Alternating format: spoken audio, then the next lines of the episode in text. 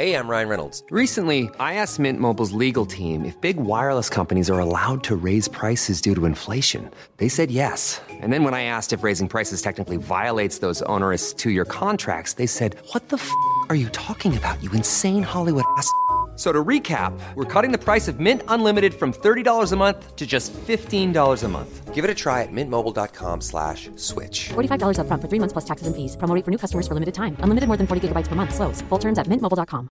Want flexibility? Take yoga. Want flexibility with your health insurance? Check out United Healthcare Insurance Plans. Underwritten by Golden Rule Insurance Company, they offer flexible, budget friendly medical, dental, and vision coverage that may be right for you. More at uh1.com.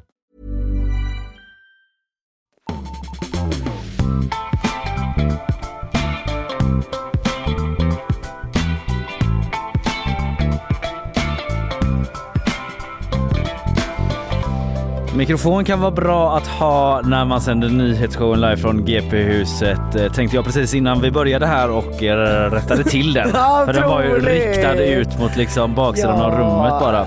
Ett litet extra för de som sitter och tittar på TV Ja. och får se den här typen av härlig mänsklig kamp på eh, onsdagsmorgonen. Det kan man göra på vår sajt eller på Youtube där vi också sänder live faktiskt. Eh, Ina, god morgon. God morgon, god morgon Kalle. Eh, vad ska du prata om idag? Eh, Jag kommer prata väldigt mycket om eh, en lång artikel som GP hade igår om rättegången mellan Per Hålknekt och spelbolaget Unibet. Just det, Mm. han vill ha pengar därifrån. Precis, han har gett en del pengar till Unibet om, man, om det heter det när man spelar pengar. Ja. Spelar bort Mm. pengar. Så eh, det är en stor rättegång på gång som kommer aktualisera ganska mycket frågor kring spelbolagen. Mm. Och jag ska snacka om eh, Sveriges senaste astronaut som skjuts upp eh, medelst raket då, eh, till Och rymden idag. Och, och, och lite under radarn. Ja men lite, det är ju inte Christer Fuglesang uppmärksamhet Nej. men han är inte först heller men han är snabbast Ja. på att bli astronaut. Mäktigt. Det är lite mer om honom sen men jag ska också prata om Ulf Kristersson då och hans uttalande om att invandrare kan ha sämre försvarsvilja än andra svenskar. Eh, forskningen verkar inte hålla med om det riktigt. Sen får vi gäst Arne Larsson, vår kollega på GP, kommer hit och snackar övervakning. Tidöpartierna har ju redan sagt att de ska göra en kameraoffensiv mot gängen och man har också pratat om att man vill syssla med såna ansiktsigenkänning. Och då har Arne besökt världens mest övervakade folk, nämligen britterna. Mm, och snackat med folk som bor i ett av de här högt eh, övervakade områdena då. Så vi ska snacka om detta med Arne. Sen blir det bakvagn. Jag Ja. tänkte försöka hinna med att snacka lite snooker. Ronnie O'Sullivan. Fy fan vad mysigt! Snookens bad boy, han har varit i farten igen på en presskonferens. härligt. Mm. Ja, härliga tider. Jag kommer berätta lite om eh, att ehm, eh, om, om Sopranosskaparens tankar om TV nu för tiden. Jag försöker inte avslöja Ja. vad han säger men jag tror att alla kan lista ut ungefär vad det är. Ja. Eh, och sen eh, det här namnbytet, Strawberry Arena. Det har vi pratat om. Men vad kommer hända i Göteborg framöver? Vad säger politikerna? Vad säger de på Gott Ah, Event? De har svarat på det. Vi frågade oss ju det i måndags. Mm. Vad kul att få svar. Eh, annars då? Eh, annars är det bra. Jag var sjukt nog i, i Fredrikshamn igår. Va? Eh, På bad... eh, På badhotellet, ja, The Reef. Ja, jag var, var ju där på konferens. Eh, och slogs av, håller det här? Hur menar du? Nej men vem, jag tänker när Oceana öppnar. Aha. Alltså håller hur Kommer, då? kommer folk fortsätta åka till The Reef? Ah, ja, de kommer bli utkonkurrerade. Av Oceana. De- Jag blev jätteledsen. Jag gick runt med sorg i hjärtat och kände, är det här sista gången jag är här? Ja, men du känner inte en glädje inför Oceana då liksom? Jo men inte på bekostnad av ett annat vattenpalats. Jag Nej. älskar verkligen vattenpalats. Du Och älskar alla vattenpalats lika mycket. Ja men liksom försvinner ett vattenpalats försvinner också en liten bit av mig för Mm. att göra en jättekonstig Men också typ då hur många vattenpalats klarar eh, Öresundsregionen? Ja precis, jag känner också det. Jag känner också det. Och det var liksom, det sprangs inte ner. Det var ju inte, det var inte kö när man vill åka i den här dubbelringen. Eh, som jag och min nej. kollega Maknickare körde igår. Jag minns att man har Eh. två stora sjörövarskepp där som Ja man kan skjuta de. med kanoner. de. Ja man kan skjuta med kanoner. Det är jättekul för barn. Mm. Men hur kul kommer barnen tycka det är när de har sett Oceana? Ja, jag förstår det. Jag Oh. såg Oceana på bild, eh, för det var en artikel i GP igår tror jag. Mm. Jaha, jag har inte i- sett den. Från att de släppte på vattnet. Då stod det några glada Lisebergs eh, VD-personer Mm. och med stora slangar och sprutade ut vatten. Och det såg, alltså vi är inte sponsrade av Liseberg på något sätt men det såg ganska, alltså barna-jag Ja. blev ändå till mig. Ja men alltså jag tänker det Det och jag tänker, satsigt. jag tänker, åh gud alltså så spännande och sen så liksom också med tanke på hur danska kronan ligger Mm. så känns det bara som att liksom, vad kommer det vara för barnfamiljer från Göteborg som inte säger, nej vi skiter i Oceana. Vi åker eh, till ett ställe där våra pengar är värda hälften så mycket Ja, just det, just och det. gå på ett annat vattenpalats. Jag vill inte pre- premiera något framför andra, jag vill att alla ska finnas kvar. Men det var en orolig tanke jag Mm. Ja, fick igår. Mm. ja, tuffa tider eh, i konkurrensen. Är det bra med dig? Jo, det är bra. Eh, det har inte hänt så mycket men jag hade lite kaos igår för att eh, mina det var som var dåligt sammanträffande att mina, min äldste son är väldigt intresserad av dinosaurier. Mm. Så han eh, ville eh, leka att han är, så- det här låter lite nördigt men att han är paleontolog. Ja. Han har lärt sig det ordet. Toppen. Och då ska han lägga fossiler i mjöl. Mm. Eh, och då blir det mjöl över hela Ah, lägenheten. Och exakt när jag skulle dammsuga upp det så gick dammsugaren sönder. Nej. Så jag är fortfarande liksom lite så skakad av det. Han har inte lärt sig att paleontologer alltid jobbar utomhus här. Nej precis. Men läste du inte artikeln igår om att barn som leker med dinosaurier är smartare än andra barn? Är det sant? Ja. Goda nyheter!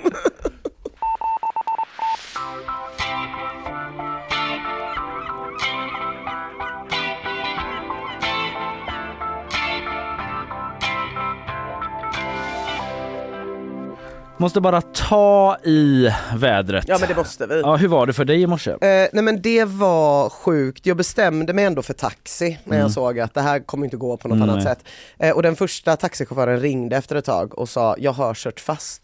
Och då kände jag lite snabbt, borde jag komma och hjälpa Mm. Ja. dig? Är det i livet eller Ja, gatubilden? Ja men så segt. Så sen ringde jag en annan taxi, en otrolig man Mm. som körde 10 kilometer i timmen från Majorna hit. I liksom, det var helt, det gick inte att se någonting överhuvudtaget. Nej. Jag bara lutade mig fram hela tiden och bara, du kör helt Ja. otroligt.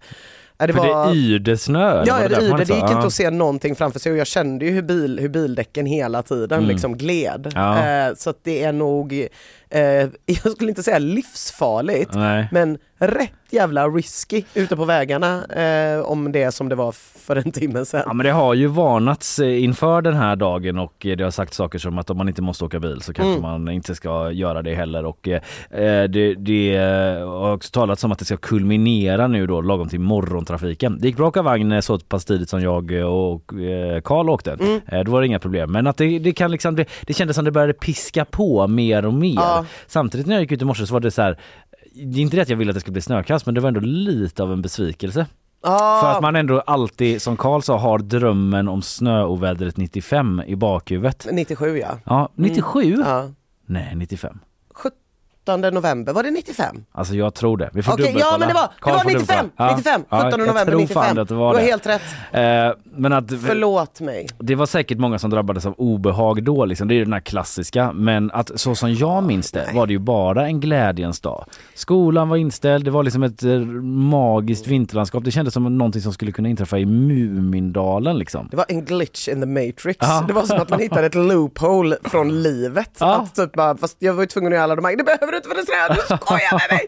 Nej, det var ju helt, eh, helt otroligt var det. Jag gick väl typ så här i andra, tredje klass då Ja. eller någonting också så det var ju väldigt okomplicerat för mig. Ja. Det var ju bara en dag hemma Ja. med mitt, eller med mitt eh, Super Nintendo på att säga. Jag ska inte överdriva, vanliga Nintendo. Vanliga Ja, Nintendo NES. såklart.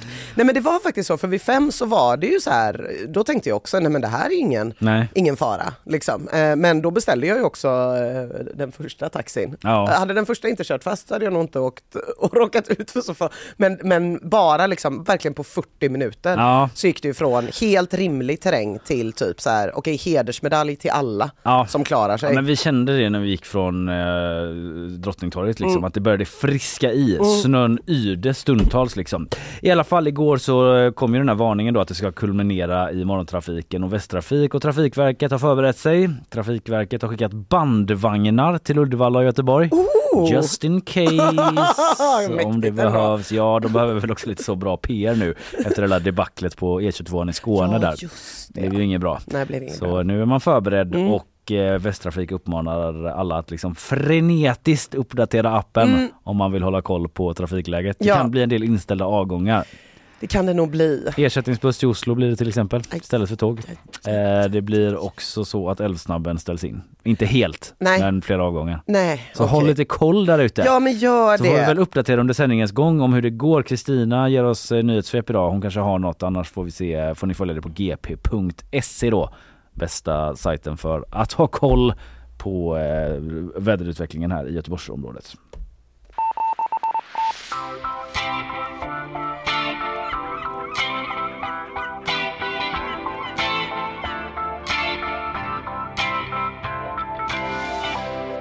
Ja men du uppmärksammade mig på att det lät som att vi bara var en vädersajt. typ. Eller det var bara så att du sa liksom, ingen kan konkurrera med gp.se när det gäller väderutvecklingen inom Göteborgsområdet. Det kändes bara lite svagt. Jag tycker du ska sträcka på dig Kalle. GP är mer än så. Ja men det är vi. Det är vi faktiskt. Till exempel så är vi en tidning som skriver om politik och följer upp politikers uttalanden genom att liksom tala med experter och så. Och det har våra kollegor gjort nu. Eh, jag tänkte faktiskt vi skulle snacka lite om det här med Ulf Kristersson och eh, försvarsviljan. Eh, det är lite två grejer här som går ihop men det kan ju bli krig i Sverige, det har du hört? Ja, jo. Det var ju Folk och Försvar och eh, både ÖB, överbefälhavaren och eh, civilminister Carl-Oskar Bolin sa ju detta att vi måste vara förberedda på att det kan bli krig. Samtidigt så sa då Ulf Kristersson så här eh, till P1 igår. Det finns ingenting som talar för att kriget står för dörren nu. Nej, så det är lite dubbla budskap. Så här. Det kan bli krig men inte nu. Nej. Eh, och så vidare. Samtidigt så var ju Kristersson ändå liksom eh, och hans ministrar väldigt tydliga då med osminkad tydlighet som Carl-Oskar Bolin sa så ville han ändå deklarera att det kan bli krig i Sverige. Vi måste vara förberedda på det mentalt. Eh, det var lite oklart exakt vad det innebär. Eh, men eh, vi måste liksom sätta oss in i bilden att vi, att liksom, vi kan stå där med greppat vapen redo att försvara Sverige. Så här sa ju Ulf Kristersson då till exempel, som säkert många minns. Även vi måste börja tala högt om de förväntningar som följer av ett svenskt medborgarskap. Ytterst handlar det om att med vapen i hand och med livet som insats försvara Sverige, våra värderingar och vårt sätt att leva. Inte mer och inte mindre. Medborgarskap är inte en resehandling. Inte mer än det, Nej, men heller inte mindre. jättetydligt. Bra att eh, han definierade inte mer. För jag är mycket mer rädd för de som vill göra mer. Ja, än att greppa vapen och försvara Ja, än de som grepp, greppade lite slappt. De, de är jag mer, mindre rädd för Ja, men det här- än de som vill ha ett i var, varje hand. Ja, precis. Eh, Det här eh, var ju en och en halv vecka sedan och igår i P1 så lät det lite mer så här då. Det finns ingen ambition att skrämmas eller bolla oro på något sätt. Nej, det fattar man att inte det är Nej. ambitionen. Men många blev ju ändå lite oroliga och Ja, sådär. Det har vi också ja. pratat om. Eh, samtidigt så, eh, ehm, ja men han ställer sig ändå bakom typ eh, överbefälhavaren som sa förbered dig för krig liksom. Att det, är bra att vi ändå säger det. Och eh, samtidigt återigen då, jag hoppar fram och tillbaka här nu i tid. Det är som Christopher Nolan, jag på tidsplan. Ja, ni är jättelika på det sättet. Visst. Eh, så sa han så här då i eh, P1 eh, återigen. Att det är ett farligt läge i världen. Vänta så här. Jag tycker nog att det har blivit lite överdrivet. Det är som att vi bara inte kan säga flera olika nyanser samtidigt. Men han tycker det har blivit lite överdrivet med reaktionerna. Att när de säger att det kan bli krig och att folk då liksom typ agerar på det och förbereder sig så Just har det det. blivit lite överdrivet. Eh, men eh, ja, eh, man måste kunna tala om världsläget och om riskerna ändå. Att det är ett farligt läge i världen. Det är klart att en regering talar klartext. Allt annat vore ju ansvarslöst. Mm. Tala klartext om det. Språk? Frågetecken. Man talar väl ändå klarspråk va? Ja. Inte ett klartext. Nej. En parentes. Man behöver inte ringa in och peta i varje citat liksom. det, det känns inte som att Christopher Nolan hade sagt det, men okej. Nej, man hade kanske skrivit rätt i manus från början.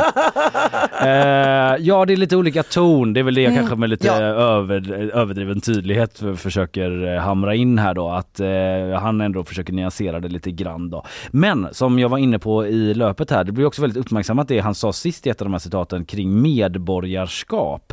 Eh, och eh, ja, detta alltså. Medborgarskap är inte en resehandling. Det är inte en resehandling. Han eh, fick frågor om det här efteråt. Han sa att det finns en bristande försvarsvilja bland vissa invandrare då i händelse av krig. Eh, och eh, folk visste kanske inte riktigt vad han grundade det på. Eh, mer än någon slags eh, känsla eller så. Och då har han fått utveckla det. Han sa till Aftonbladet, det är helt uppenbart att det finns människor som i första hand vill ha skydd av Sverige snarare än att fullgöra sina skyldigheter mot Sverige. Men Forskningen då verkar inte riktigt stödja den här tesen. Om någonting så är det tvärtom. Vid en första anblick framstår det som att utrikesfödda i olika avseenden har en starkare försvarsvilja. Det säger Kristoffer Wederbrand till oss på GP. Han är forskare på Totalförsvarets forskningsinstitut då. Mm -hmm. I en artikel varje dag. Mm. Ja, eh, så det går liksom på tvärsen med vad det Kristersson sa. Den här forskaren då, Kristoffer Wederbrand, han har gjort två rapporter och han har en tredje på gång. Mm. Men de här två första är från 2021 och 2022 och i den första av dem så ställdes frågan om utrikesföddas inställning till att försvara Sverige. Och där går alltså resultaten på tvärs mot uppfattningen om att de skulle liksom vara mindre benägna än svenskfödda då att försvara Sverige. Det finns ingenting i vårt datamaterial som tyder på att invandrare skulle ha lägre försvarsvilja säger Kristoffer Wedebrand då, snarare tvärtom. Mm. Och eh, sen efter den här första rapporten som han gjorde där då så slutade man göra den där uppdelningen. För okay. att de tyckte ändå det var så svårt att säga någonting typ om den generella ah. försvarsviljan. Det är svårundersökt så man slutade liksom underkategorisera det. Mm. För ur urvalsgrupperna blev ändå ganska svår, som, äh, små som ah. jag förstod det. Ah. Även andra typ så här, låginkomsttagare. Det var lite, man slutade göra den uppdelningen helt mm. enkelt. Eh, men eh, han pratade också liksom om att försvarsvilja då, det kan vara mer, eller så det kan vara lite mer komplicerat än att man bara vill eh, liksom ta upp vapen mm. och skjuta ja. invaderande ja, ryssar. Ja precis. Eh, som det ju ändå mm. är det vi talar om här Ja, exakt. Jag vill inte hymla om det. Eh, eh, för att Kristersson han liksom hänvisade i sin debattartikel han skrev i Svenska Dagbladet när han följde upp det här till en undersökning från Plikt och prövningsverket som visar att 50% av unga föräldrar eller unga med föräldrar födda utanför Norden inte kan tänka sig att göra värnplikt då, som en argumentation.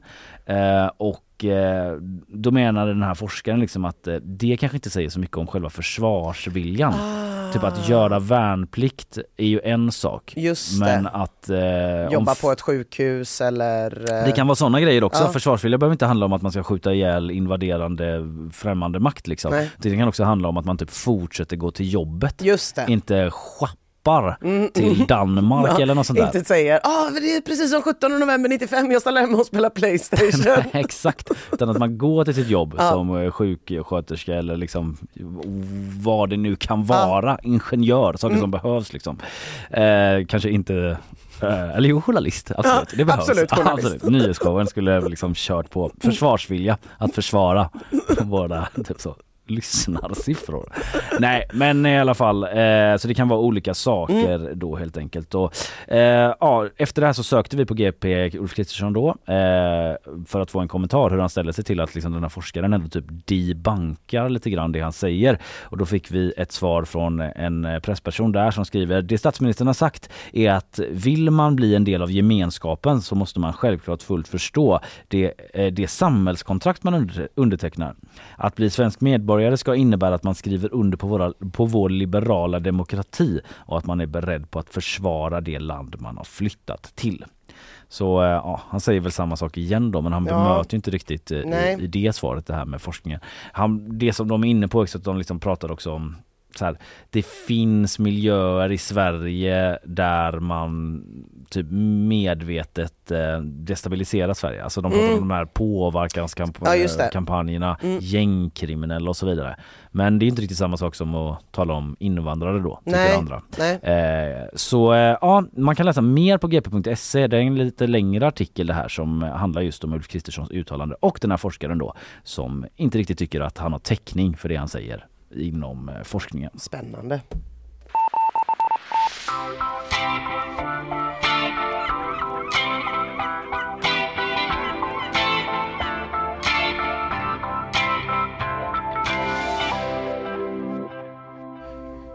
Kristina Pettersen, god morgon! God morgon! God morgon, god morgon! Du är med oss idag för mm. att ge oss ett nyhetssvep. Hur var det för dig i snöyran i morse? Eh, Gick nej, det bra liksom? men så här, eh, jag blev ändå lite besviken. Eller man, ladd, man laddar ju på något sätt liksom, och tror så, att det här kommer bli kämpet Ja, mm. och så. Men det gick rätt hyfsat faktiskt. Ja. Men sen kollar jag ju ut genom fönstret när jag kom hit. Det har ju blivit värre. Ja men visst är eh, det så. Sen, ja. sen vi började ja, ja. i alla fall. Men jag känner samma sak. Jag var inne på det typ att jag hade laddat med mitt underställ, typ mitt nya, jag har fått julklapp av mamma, raggsockar liksom. Sen var det ändå helt okej. Ja. Ja, vi eh, får se hur det utvecklas under morgonen. Nu eh, slår vi över i ton här eh, till lite mer allvar för att det är dags för nyhetssvep. Varsågod Kristina. Men vi börjar faktiskt med snövädret som som sagt har dragit in över Göteborgsområdet och det här märks av inte minst i kollektivtrafiken. Till exempel är pendeltåg mellan Göteborg och Kungsbacka inställda på grund av ovädret och stora delar av kollektivtrafiken i Stenungsund och på Tjörn och Orust är indragen på grund av väglaget, det skriver Västtrafik. I övrigt är det än så länge få rapporter om olyckor i trafiken men det går trögt på vägarna i Göteborgsområdet. Den 1 mars var planen att polisen skulle få möjlighet att införa tillfälliga visitationszoner vilket i sin tur innebär en rätt att visitera personer utan brottsmisstanke. Men nu står det klart att regeringens förslag försenas. Anledningen är att flera partier i riksdagen vill ha mer tid på sig att granska förslaget innan omröstning. Justitieminister Gunnar Strömmer säger till TT att han hoppas och tror att visitationszoner ändå kan bli verklighet i närtid. Så kan jag berätta att Kinas befolkning minskade med 2 miljoner under förra året. Antalet dödsfall mer än fördubblades jämfört med året innan och samtidigt föddes det 540 000 färre barn. Befolkningssiffran landade då på 1,4 miljarder och det här innebär att Indien har gått om Kina som världens folkrikaste land enligt FNs befolkningsprognos. Tack för det Kristina. Tack. Varsågod. Ja, det är väl det de har jobbat för Kina lite grann va? Med Ja. sin enbarnspolitik och så. Mm, Fast man mm. kanske inte vill att det ska liksom backa i den takten. Nej, då, nej men trist att liksom eh, bli omsprungen ändå och sådär. Det Ja. måste man väl ändå alltid känna. När man har en jätteåldrad befolkning man sitter med där sen då. Ja och det är ju ganska mycket så att Indien och Kina håller på att liksom tuffa sig mot varandra. Ja. Så att jag tror att allt som man kan kasta in i den Ja. eh, grejen, Xi. Jinping Modi-grejen Ja. tror jag ändå att de kan liksom komma med olika burns. eh, Det tror jag.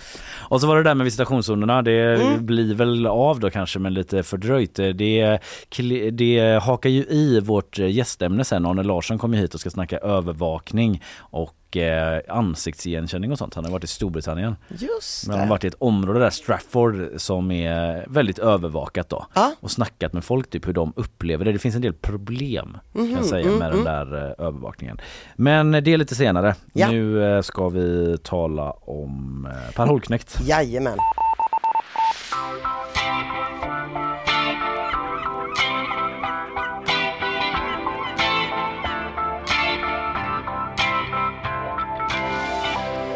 Ja, vi ska alltså prata om den rättegången som startade igår mellan entreprenören Per Holknekt, om man inte vet vem det är, Odd Molly bland annat, Ja. klädesmärket Odd Molly. Gammal Eh, skejtare typ? Gammal det? skejtare var med i Big Brother. Ja. Ja. eh, det finns lite olika. Det säger nog något om ens ålder och koftintresse, vilken man associerar till först. Eh, Men igår startade en rättegång i alla fall, eh, rapporterade GP väldigt mycket om, eh, mellan Per Holknekt och spelbolaget Unibet. Ja. För Per Holknekt har stämt då Unibet, eller Unibets ägarföretag Eller egentligen då. Unibet. Förlåt, jag är lite Ja, sån i rättartagen idag. Ja, jag märker det. Nolan. Jag talar klartext. Eh, Unibet heter de. Ja, det gör de faktiskt. Eh, men de har ett ägarföretag då, Kindred och Spoonicare, det är ju de som stäms egentligen. Okej. Men eh, 10 miljoner stämmer Per Holknekt dem på. Mm. För att eh, de har låtit honom spela trots att det enligt Holknekt borde varit uppenbart att han hade tappat kontrollen över sitt spelande. Det är vad han säger. Mm. Eh, kanske låter som att han bara försöker skylla ifrån sig då, men enligt honom så spelade han bort 26 miljoner Mm, på Unibet på några år.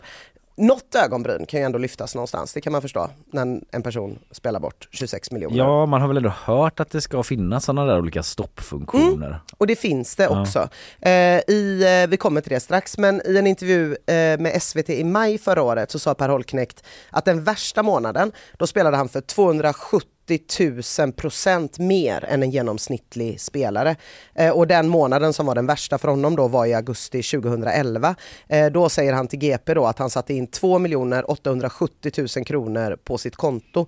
Eh, och det här är bland annat en av de sakerna som är uppe i rätten, att han menar att det här borde varit ett tecken på att han inte riktigt hade kontroll över sitt spelande. Då. Nej. Eh, tydligen hade då Unibet mejlat, hon, Unibet mejlat honom i samband med den här insättningen och sagt att han låg i riskzonen. Så det var ju schysst. Mm. Eh, men de hade ju också kunnat stänga av hans konto kan man ju också mena eftersom att, ja men jag undrar lite ändå hur mycket pengar man behöver bränna för att ta sig ur riskzonen och in i, nu är det fan färdigspelat zonen. Ja, ja. Eh, mer än 2,7 miljoner verkar det som. ja, i alla fall. Det är ändå ganska höga gränsvärden. Ja men det är det, Ja. det är det. Och det var ett liknande fall som togs upp förra året. Då var det en man i Uppsala som stämde Betsson. Får jag uttala det så eller har du några invändningar? Mm. Jag orkar inte att jag har den uttalshatten på mig då. Men bättre. Ja, absolut. av eh, samma skäl. Mm. Eh, och den här mannen förlorade i första instansen, överklagade sen till Patent och marknadsöverdomstolen som han överklagade till.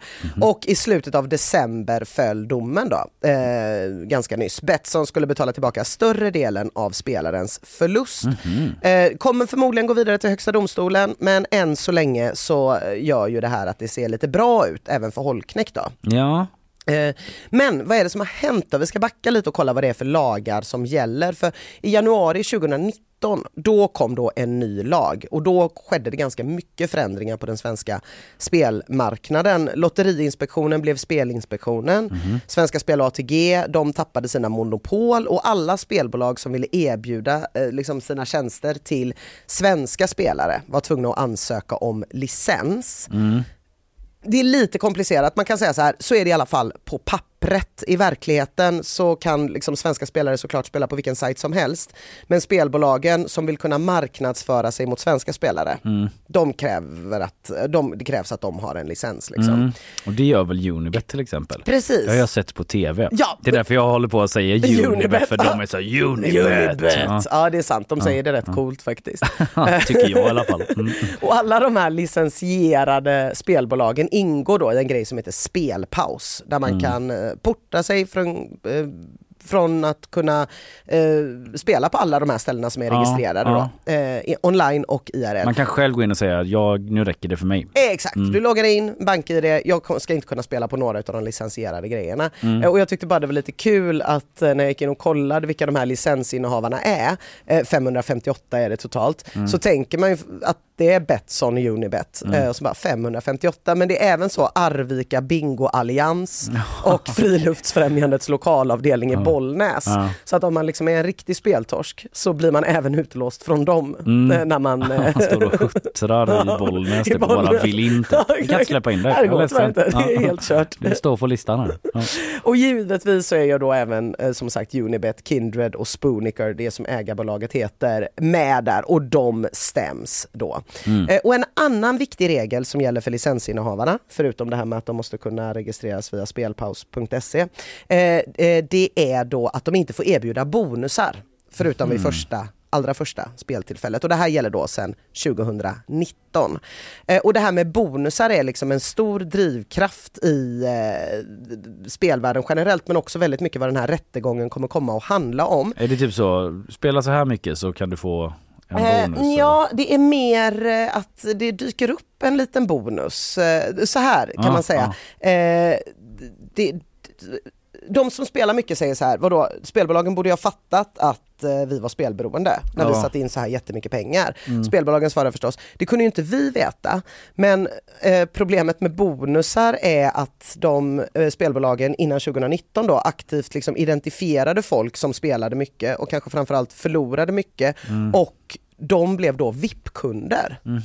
Så då blev, var det ju ändå, på något sätt kunde man ändå hitta människor som spelade mycket. Ja. Eh, så kan man ju säga, och de uppvaktar hotades ganska mycket de här VIP-kunderna av spelbolagen och fick resor, bonusar. Eh, per Holknekt berättade för GP igår om hur Unibet eh, agerade enligt honom då, när han hade bestämt sig för att sluta spela. Så här säger Holknekt.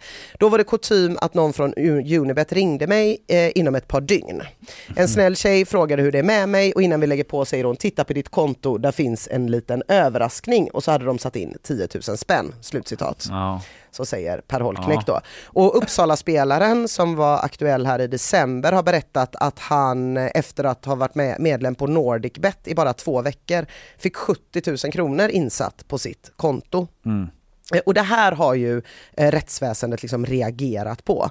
I domen som föll i december då, förra året skrev Patent och marknadsöverdomstolen Domstolen har ansett att utredningen visar att det funnits tydliga tecken på att han tappat kontrollen över sitt spelande och att dessa varit synliga för spelbolaget samt att bolaget har känt till, att det, eh, känt till detta i vart fall från den tid då spelaren blev så kallad VIP-kund.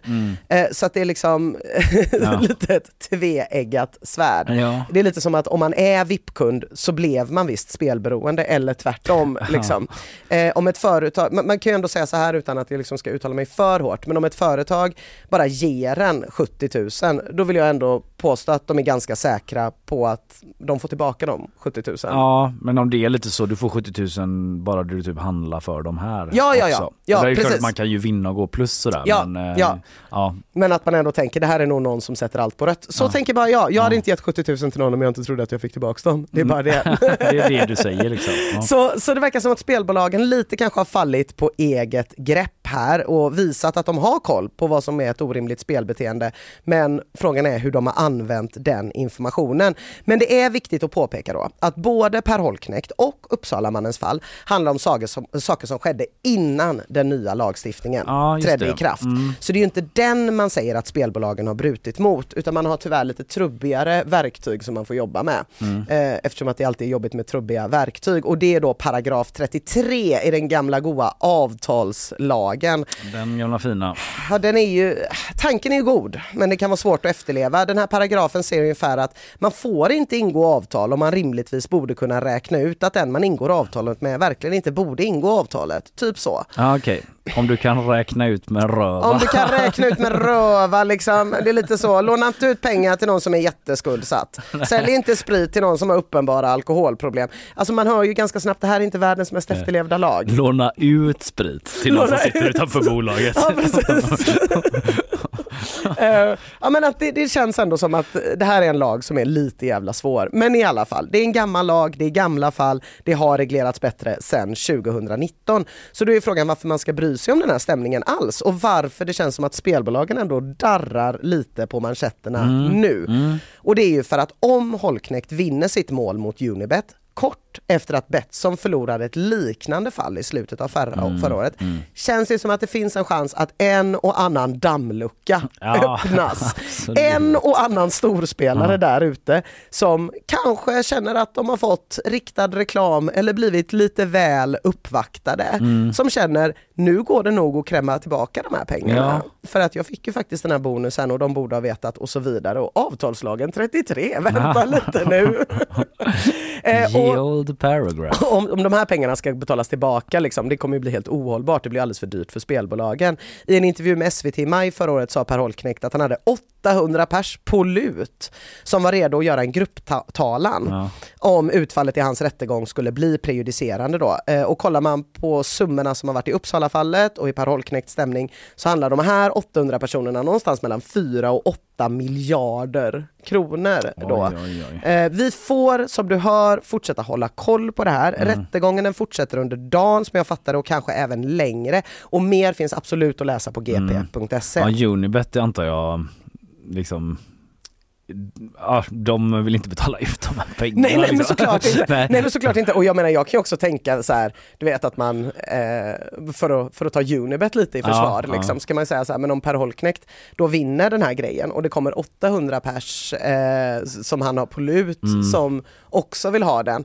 då är det ju ganska nära till hands att man känner att jag skulle känna så här, jag har ju fan spelat på Stryktipset i 20 år Ja. utan att vinna någonting. För att man kan ju liksom, om- precis om man bara ska vända på steken, Ja. typ att i spelandets natur ligger ju att du torskar dina pengar. Exakt, typ. Om man då plötsligt kan gå och bara, jag skulle faktiskt vilja ha tillbaka de här pengarna. Ja. Typ så här. Ja. Då är det Ja, att man känner så här, problematiskt men- för dem. Ja precis. Bara för att vrida och vända lite på Ja, det. jag Mm. tror absolut inte att liksom avtalslagen kommer användas på det sättet. Men om man skulle säga så här att det här är en dålig deal, därför får ni inte göra den. Mm. Nej. Då kan man ju ganska lätt säga det är en ganska dålig deal att låta Ina Lundström spela på Stryktipset. Ja. För hon vinner ju aldrig några pengar. Nej. Hon ger ju bara bort pengar, så då borde ni faktiskt lämna tillbaka pengarna till henne. Ja. Eh, Det är ju verkligen att dra det till sin spets. Det kommer ju såklart inte hända. Men det är ändå värt att fundera på. Ja, det blir spännande att följa.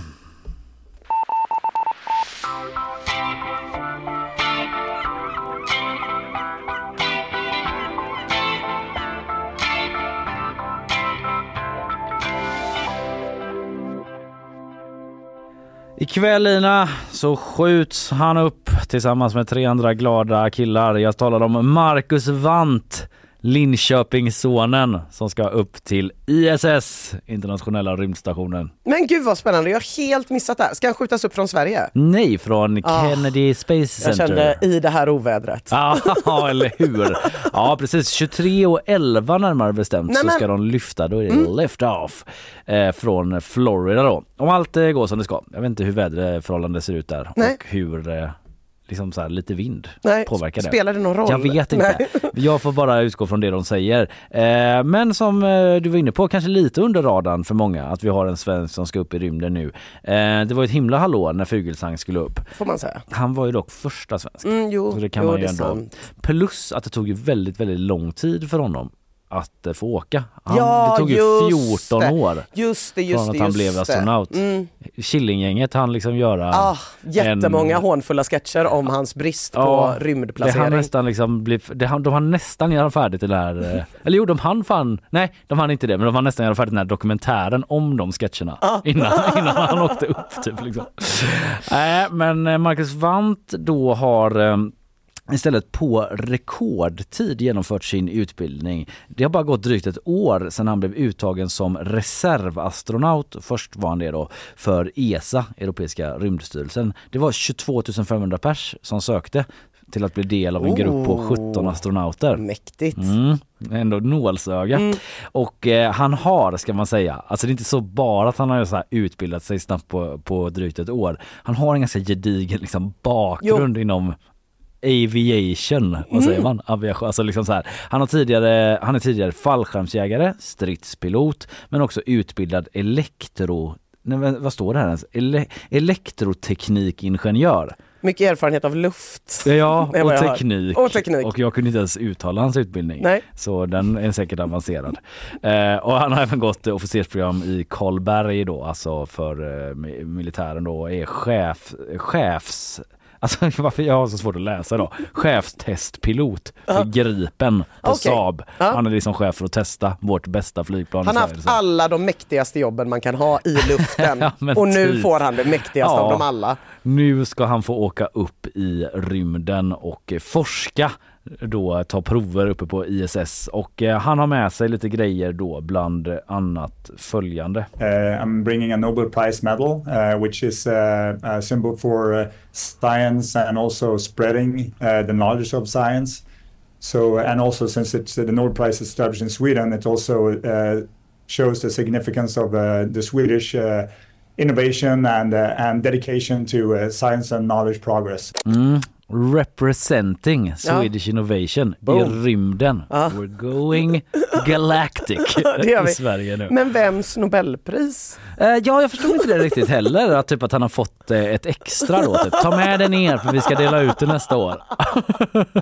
det, jag vet inte om det var ett Nobelpris heller, utan Nej. en sån medalj. Ja just det. som, Ja. mm, jag jag gillar ändå inte tanken på att de delar ut dem som flyers på stan till Nej. folk som vill represent. I och för sig i rymden, där är det ju befogat. Jag vill bara inte att fler ska komma och typ, han fick ju ta med en, då vill jag faktiskt ta med en till Gran Canaria. Nej, precis. Jag vill liksom rep Nobel och Sverige i Tensta. Nej, Eller så exakt.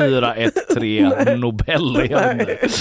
Eh, Men eh, han har inte bara med sig den då utan han har också med sig eh, legogubbar som hans familj gjort åt honom. Ja. Ja, lite gulligt Ja. ändå. Och eh, en eh, Vasaloppsnummerlapp, ett skryt. Ja, ett skryt. Att han Mm. har åkt eh, det då. Det är ändå fint när man gör världens skrytigaste grej och ändå känner att man vill ha med sig lite skryt också.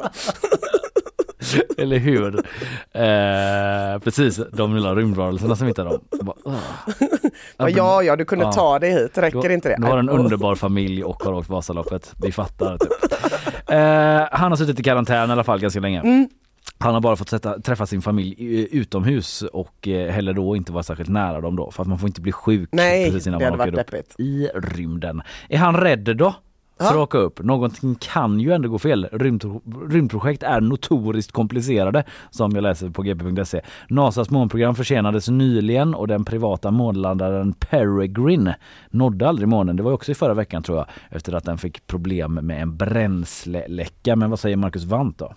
No, there's nothing I'm afraid of. I can answer that right away. I'm not worried about anything either. Uh, uh, what I am trying to reiterate to myself is to preserve some time to just absorb and be present uh, up in space as well, and not just uh, get all the data. Ah, Karpa, rymden. Carpe rymden, inte bara carpe datan. Utan carpe hela rymden. Eh, Det sa han på en presskonferens det här eh, som jag antar NASA höll i. Men som sagt ikväll 23.11 då är det liftoff från Kennedy Space Center i Florida i det här samarbetet då mellan NASA och SpaceX Ja. som ska ta han och eh, ja det var väl en italienare, en turk och en spanjor tror Som jag. gick in på en rymdstation. Och Bellman då i form av Marcus Wandt eh, som åker ikväll alltså. Spännande att följa det med.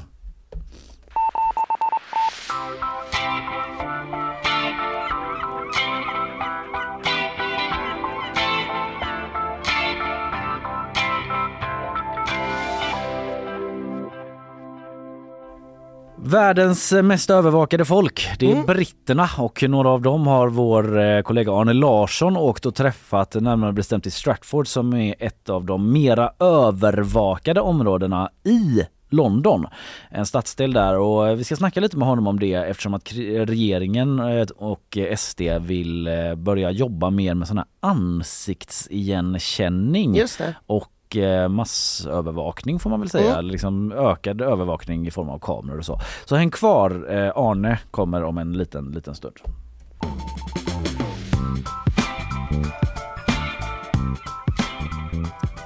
I ett snöyrande Göteborg eh, sänds eh, nyhetsshowen ut som om ingenting hade hänt. Jag ser bilder live från stan. Eh, såg jag tidigare i alla fall. Nu har det fryst till lite grann här i vår studio bara, men där vår kollega Filip Lyrheden stod och kämpade i blåsten. Men nu ska vi prata om någonting helt annat eh, för att eh, regeringen och Sverigedemokraterna de vill ju storsatsa på övervakningskameror och snabbutreda ansiktsigenkänning. Sci-fi-vibbar nästan på något sätt. Men hur påverkar det här, eh, de här eventuella satsningarna folk som bor i områdena som övervakas mest? Världens eh, mest övervakade folk lever i Storbritannien och dit har vår kollega Arne Larsson åkt för att försöka få svar, få svar då på vad folk tycker om det här och hur det funkar. Välkommen och eh, god morgon Arne. Tack så mycket. God morgon. Får jag bara börja med att fråga det här, världens mest övervakade folk. Hur övervakade är de? Ja, de är väldigt övervakade. Ja. Det finns eh, fem miljoner övervakningskameror i Storbritannien varav en miljon bara i London. Så det, siffror som jag har sett i brittiska tidningar talar om att en vanlig person som rör sig i London blir filmad i snitt 300 gånger på en dag. Eh, Så att de har ju koll på folk som rör sig där. Ja. Mm. Ja, men och det blir ju, ja. förlåt, men när man är där och tänker på det, Mm. då ser man ju kameror precis överallt. Det blir ju nästan komiskt efter ett tag när man har börjat titta på det. Just att de sitter det. där. Ja. Och det är lite, lite svårt att jämföra för det finns kanske inte några... Här i Sverige är det ju inte så gott om kameror. Nej. Nu har man en ambition att det ska öka till någonstans eh, 1600 kameror i hela landet som polisen har eh, tillgång till. Eller en kameraoffensiv. Ja precis, Mm. precis. Jag Ja. tror till och med att man har skruvat upp eh, målet till 2500 kameror. Okej, ja, men då förstår man Sen- verkligen vad skillnaden ja, är med... Ja, sen kanske inte riktigt, riktigt alla kameror räknas in här. För enligt de siffrorna jag har sett så finns det 90 i Göteborg och jag tror inte att det inbegriper de som finns till exempel i spårvagnarna. Mhm. Som ju Mm. polisen ändå kan använda sig av i, eh, i utredningar och sådär. Mm. Eh, Så att det är kanske lite lurigt att jämföra rakt av men, men det Men att det visar är ändå liksom mer, lite, ja, mm, får man säga. ja. Ja, det har man ju, jag som ändå är en ganska frekvent eh, publik till brittiska deckare och sånt. Där är det ju Mm. alltid CCTV. Ja precis, Mm. precis. Det, det är ju det dem. första som händer så fort ett brott har begåtts Ja. så ställer sig någon utredare upp och skriker CCTV. Ja, Så, exakt. ja, och det är också en, typ en sån manusutmaning för dem, hur Ja. man skapar brott som inte kan upptäckas av CCTV Ja. så lätt. Typ. Ja, ja, det är en parentes men det är ändå typ eh, så jag har stött på det här övervakningssamhället i Storbritannien. Men förutom då en massa kameror så jobbar man sedan ett tag tillbaka med ansiktsigenkänning också då. Men vad jag förstår så är det lite svårt att reda ut exakt eh, hur. Ja, det där är ju ett lite kontroversiellt inslag i det här arbetet och vi stötte ju på lite problem när vi ville göra det här reportaget på det sättet att eh, eh, polisen, Metropolitan Police i London, de eh, var först väldigt, väldigt obenägna att svara överhuvudtaget och när de till slut gjorde det så var det med ett eh, ja, skriftligt svar som var ganska allmänt hållet om Mm. att jo då, detta använder vi ibland och vi gör det för att det ska skydda medborgarna och förebygga och hjälpa till att uppklara brott och sådär. Eh, och, och några följdfrågor brydde de sig aldrig om att svara så att eh, Exakt hur och när och var och vad de har för nytta av det och sådär, det är de ganska förtegna med. Mm. Det är klart att brittiska medier har rapporterat om det också i omgångar men det är lite samma sak där, att, att liksom komma till de som sitter på de här verktygen är ganska svårt. Mm. Vi kan väl återkomma till lite så här hur det funkar tekniskt och vad som eh, kan vara problemen också med eh, ansiktsigenkänning för det finns en del sådana. Men du reste ju till eh, London då och snackade med folk som bor i en stadsdel som heter Stratford, eller Strafford kanske man uttalar det. Mm, mm. Eh, vad är det för stadsdel? Alltså det ligger ju inte så där fasligt långt öster om centrala London egentligen. Vi tog tunnelbanan dit och det tog väl en halvtimme eller lite drygt så. Eh, Men när man kommer upp ur tunnelbanan där och går runt på centrum så är det ju eh, ja, men en helt annan mix av människor än de som springer omkring i mer centrala delar av London. Eh, Det är ju väldigt många som har en annan bakgrund än liksom den vanliga brittiska, ja, icke-vita kallar de det där i Storbritannien. People of color och så vidare. Mm. Just det, det är det. Men också, vad- men vad säger, för det är också särskilt övervakat i området då? Eller de har i alla fall mycket kameror på Nej sig men där? eh, det det är väl så här att alla de här, en sak man har sett är att alla de här övervakningsmetoderna eller vad man ska säga eller, eller när man stoppar folk utan någon konkret misstanke för att kontrollera folk och sådär. Det riktar sig eh, mer till personer som är icke-vita eller det, det, det är som att de misstänkliggörs i högre grad Mm. och därför är kanske de som bor i den typen av områden mer skeptiska till det här och mer på sin vakt. Och det vi mötte var ju, det är klart att det fanns någon enstaka som tyckte att ja, men det är inget problem så länge man inte har gjort någonting. Men Mm. de allra, allra flesta eh, var ju väldigt skeptiska och kritiska till det här och kände att de levde lite som i ett Big Brother-hus där Ja. det mesta de gjorde registrerades på något sätt. Mm. Och, och det kändes inte som att folk då liksom anpassade sig, för det tänker jag alltid att man gör, att man tycker det är jättekonstigt när man ser att så här, shit, om det skulle sättas upp en kamera precis utanför ens bostad, typ, gud, och så hade man tänkt på det två gånger och sen bara släppt det. Men det låter inte som att det riktigt funkade så i Stratford då, eller? Nej men jag tror att eh, det kanske snarare är så att debatten om ansiktsigenkänning har gjort att man har blivit mer skeptisk eh, då för att den är förenad med så mycket också tekniska buggar eller vad man ska kalla Mm. det som gör att människor som är svarta till exempel blir extra utsatta. eh, Ja, för den. det är så. Det är ett problem liksom. Ja, och det, det stora, stora problemet i det sammanhanget är ju att eh, den här programvaran som används är i första hand eh, utvecklad och mest testad eller liksom tränad på vita män. Eh, så att alla andra grupper är det sämre träffsäkerhet på och eh, exakt hur dåligt det är det beror lite på vilken, vilken eh, sån här utredning man väljer att tro på men Mm. Eh, när forskare på polisens uppdrag i England har tittat på det här så är det ju någon som har kommit fram till att det är 90% fel just Oj. när det gäller svarta kvinnor. Mhm. Så att det, det är ju riktigt, riktigt dåligt. Sen hävdar polisen själva då att de har förbättrat det och sådär så att det kanske inte är riktigt så illa längre. Men det finns ändå en del exempel framförallt på, från USA på hur folk som aldrig har varit på en plats eh, överhuvudtaget där det är på, brottet har ägt rum har suttit liksom eh, arresterade under en tid och sen att man efterhand har märkt att oj då, den här personen var helt oskyldig. Mm. Men att det då är det här ansiktsigenkänningsprogrammet som har sett att det är den här personen och så har man hämtat in den.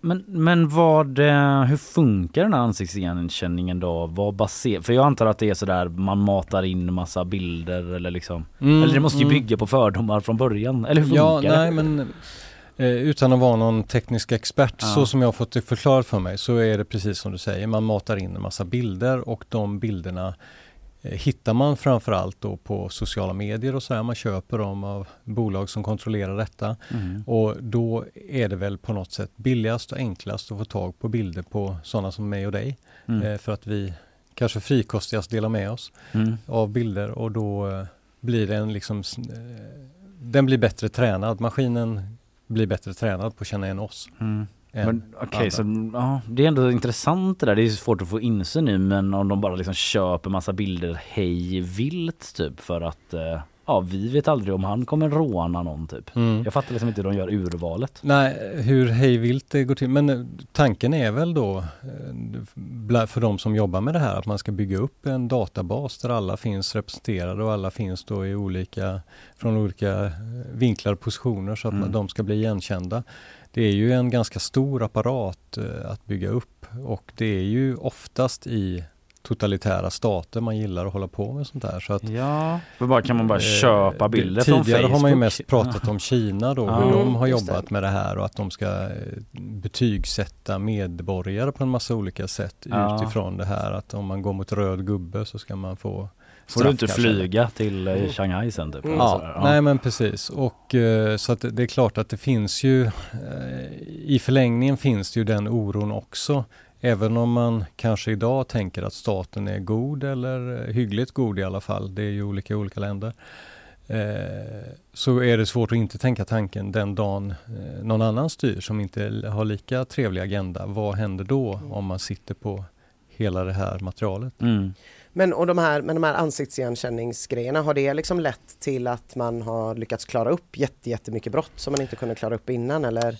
Ja, det, det är också lite höljt i dunkel. Mm. Eh, Det är svårt att få några ordentliga svar på det. Vi intervjuade ju en del grupper som jobbar eh, mot det här på olika sätt, bland annat Amnesty International som engagerat sig en del i frågan. Och deras experter säger ju att eh, det finns ingen som helst belägg för att det eh, har lett till liksom att det begås mindre brott eller klaras upp fler brott. Däremot finns det gott om belägg då menar de eh, på att det har lett till att folk har blivit felaktigt eh, gripna eller trakasserade på olika sätt. Så att de ser ju egentligen bara eh, negativa sidor med det här och att det blir ett sätt att ytterligare eh, rikta in sig på vissa grupper som redan Mm. är utsatta. Men det finns eh, i alla fall i Storbritannien, i EU då, där är det lite annat liksom ljud i skällan vad jag förstår kring Mm. eh, hur positiv man är. Ja men precis och där, där har det gått lite i vågor kan man säga. Eh, under ett skede så sa EU-parlamentet eh, nej till alla typer av ansiktsigenkänning i realtid. Man kan ju antingen använda det under hand så att säga eller i efterhand och det Mm. här när det används i realtid det tyckte de att nej men det ska vi absolut inte ha inom EU. Jag minns Gunnar Strömmer, justitieministern, har pratat mer om i efterhand, Mm. eller det var i alla fall något han citerades ja, på. Ja, precis. Men sen eh, tog det en liten vändning här precis före jul någonstans. Eh, För i EU går det ju till så att parlamentet och eh, kommissionen Mm. och ja precis, man ska, tre parter ska komma överens om hur det ska bli och i den här trepartssamtalen så fick eh, parlamentet delvis vika ner sig så att nu är det väl inte helt totalstopp för eh, ansiktsigenkänning i realtid. Men det är ännu inte så att man har fattat det definitiva beslutet för det ska röstas i parlamentet också. Så att riktigt var EU landar det vet vi inte. Eh, och det kan ju påverka den svenska processen också. Ja, ja just det. Mm. För om vi då blickar mot Sverige, liksom eh, Tidöpartierna sa redan i oktober att de ska inleda en kameraoffensiv då mot gängen.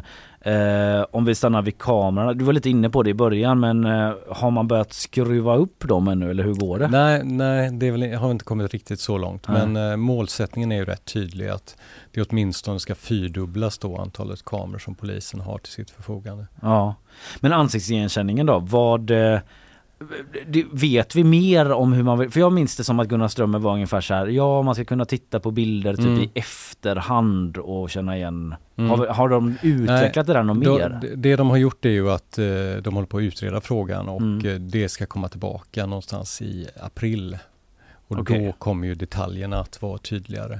Mm. Har man, eh, men jag antar att man ändå har fått liksom kritiska frågor redan innan typ eh, hur man ser på det här med integriteten. Har, Mm, Eller liksom, vad, hur, mm. tar, hur argumenterar man för att detta ändå ska införas? Liksom?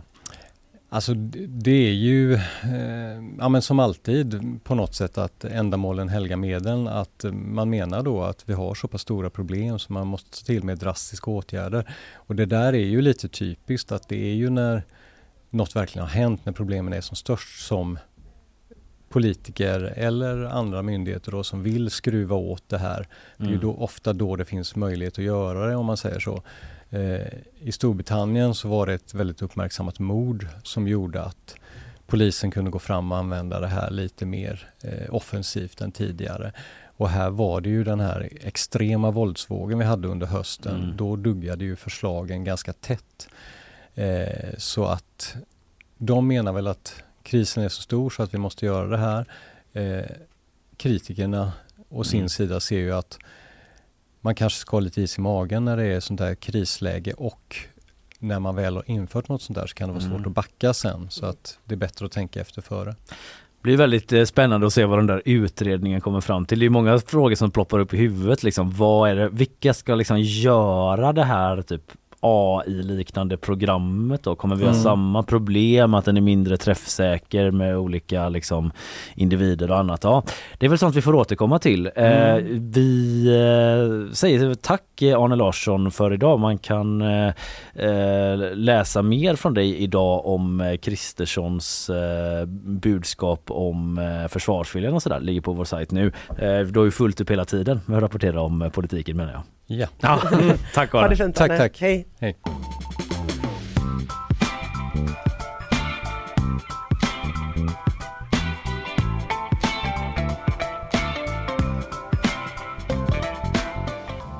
Nyhetsshowen eh, 17 januari är det ju en onsdag och eh, det stormar på gatorna men det har också stormat lite kring Romina Pourmokhtari, eller hur? I form av en misstroendeförklaring Kristina. Indeed. Minns ni detta?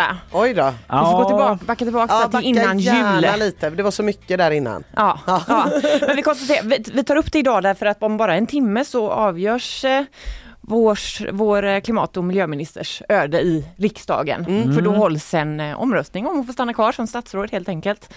Eh, och hela det här eh, inleddes ju med att eh, C och MP växte en misstroendeförklaring i december.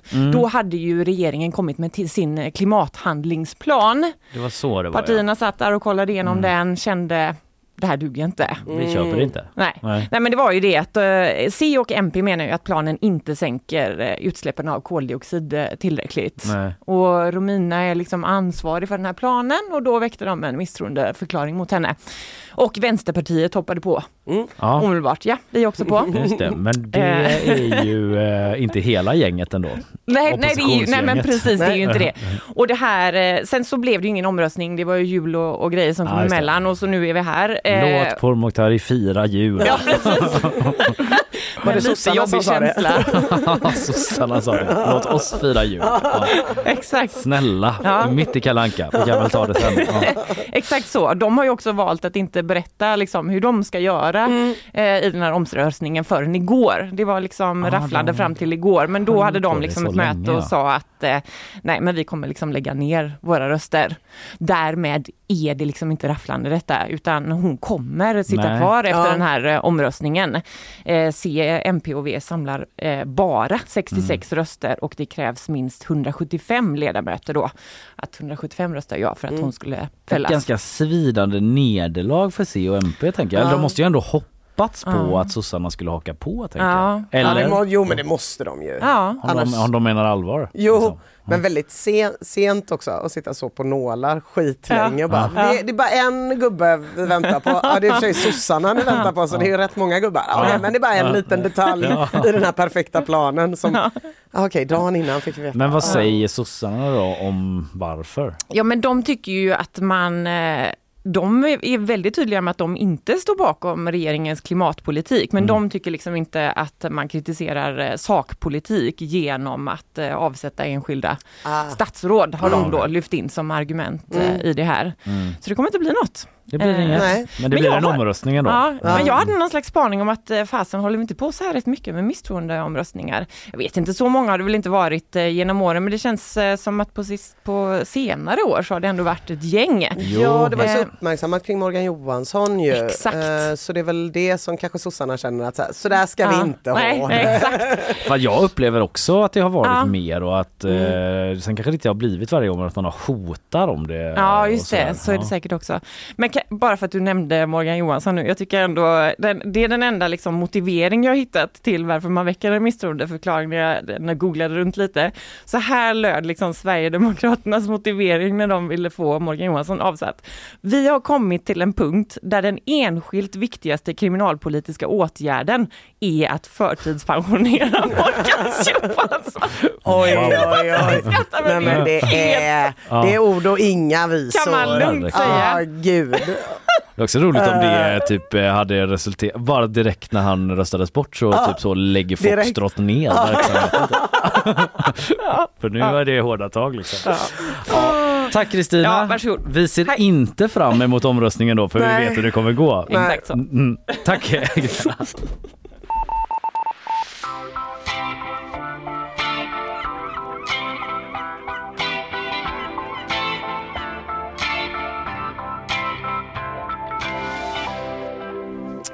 Ja du Kalle, Friends Arena byter ju namn till Strawberry Arena. Ja, Det har precis. diskuterats, det har hånats för oss som är på fotbolls-Twitter för att vi supportar ett lag som inte nödvändigtvis är från Stockholm. Mm. Så har, alltså det har ju varit en tsunami av hån. AIK ska få det på bäret etc. etc. Vet du vad jag har gjort? Suttit på mina egna händer för att inte ho... Alltså jag har ohånat så aktivt. Det För är jag- ganska lågt hängande frukt Ja det, det är lågt hängande frukt men å andra sidan så är det så här jag menar jag på min necessär står det Stockholm nej tack med en sån atomkraft nej tack logga. Alltså när det gäller lågt hängande frukt och hån mellan Stockholm och Göteborg särskilt i fotbollssammanhang. De, de går så här hand i handske. Ja. Så att jag har velat håna, det är det jag vill säga, men jag har inte gjort det. För vår tid kommer ju, så har jag känt, här i Ja, Göteborg. eller hur? Eh, liksom, nej, vi kommer ju kanske inte få Kronfågel Arena, vilket kanske är den sämsta med Ja, namn. Platinum Eh, Cars Arena. Ja, jo, det är, ändå- ganska dåligt. Eh, eller Strawberry Arena. Men jag har ju känt så här, något jävelskap kommer det ju bli. Ja, ja. Något jävelskap. Det är ju snarare regel än undantag att de heter sådana Precis. företagsgrejer. Exakt. Och så sitter man här då på sina höga hästar i Göteborg med Ullevi. Mm. Gamla Ullevi dessutom. Ullevi. Skandinavium. Hon vill skriva hoho bär, jordgubbe, dumt, dumt, dumt. Eh, men så har inte jag känt för jag har tänkt så här, vår tid kommer fan med. Eh, men jag vet inte, jag är lite optimistisk ändå efter att ha varit inne på gp.se här på morgonen. För då publicerades nämligen en artikel och där säger Henrik Jutbring som är evenemangschef på Got Event till GP om just de här då, Ullevi, Nya Ullevi och Skandinavium. Man har sett att de här varumärkena, Gamla Ullevi, Ullevi, Skandinavium, är så tätt sammanflätade med Göteborgs identitet. Det är nästan som Poseidon och Avenyn och det är ingenting man vill sälja ut. Nej. Han menar att det saknas politisk vilja. Och Daniel Bernmar då, Vänsterpartiet, eh, kommunalråd med ansvar för idrotts och föreningsfrågor, han skriver så här. Jag tror ingen ens har tänkt tanken på att sälja namnen Ullevi, Gamla Ullevi och Skandinavium. Han säger till, alltså till och med så här till GP. Personligen tycker jag det, tycker jag det är lite parodiskt att byta namn med jämna, jämna mellanrum för att Ja. det. Alltså parodiskt, då börjar ändå mina fingrar komma upp så här. Typ. Våra göteborgare säger att det är parodiskt att hålla på och byta politiker. Han är också vänsterpartist och eh, Ja. uttalat Blåvitt-supporter. Ja, jo jag vet, jag vet. Men han från Gott Event, Henrik Jutbring, vad har vi på han? Är han vänsterpartist? Jag vet inte. Jag Antagligen började i alla fall klia lite i fingrarna. Men sen kom jag ju på det här då att alla de där arenorna är ju mycket äldre än Tele2 och Ah. Strawberry Arena. Och sen kom jag ju på att på hissingen ligger ju faktiskt redan Bravida Eh, precis, Arena. den finns ju ändå där. Så ja. att Lex, eh, sånt där håller vi inte på med i Göteborg. Nej, Mm. vi är ändå, sen är vi ju ganska, det är en annan sak, men vi är ju ganska Stordalen-präglade. Ja, Så. jo, men sen det det, är det vi. en annan sak att han bygger sina egna hus. Ja, köper ja precis, andra. Eh, Det är ändå, det är ändå en om det inte annan är grej. han som bygger dem heller, utan han Nej. bara sätter namn på. Mm. Och, och det som hände på, på Häcken skiljer sig lite från det som hände i Stockholm, eller det som hände på Häckens arena. Ja. För där var det ju att Häcken ägde arenan och sen så sålde de namnet till byggföretaget. Liksom, Så att det gick från ett annat håll eh, än vad det gjorde i Stockholm. Så jag kommer sitta på mina hånfingrar en stund till. Jag kommer inte aktivera, de kommer inte gå in i aktiverat mode. Nej. För att så småningom så kommer det ju en ny arena vid Skandinavium. Det är ju ändå bestämt Mm. någon gång. Eh, och när, men, men när den har öppnats Mhm. och det visar sig att den inte döps till typ Fodora Arena. Håll utkik på min Twitter då.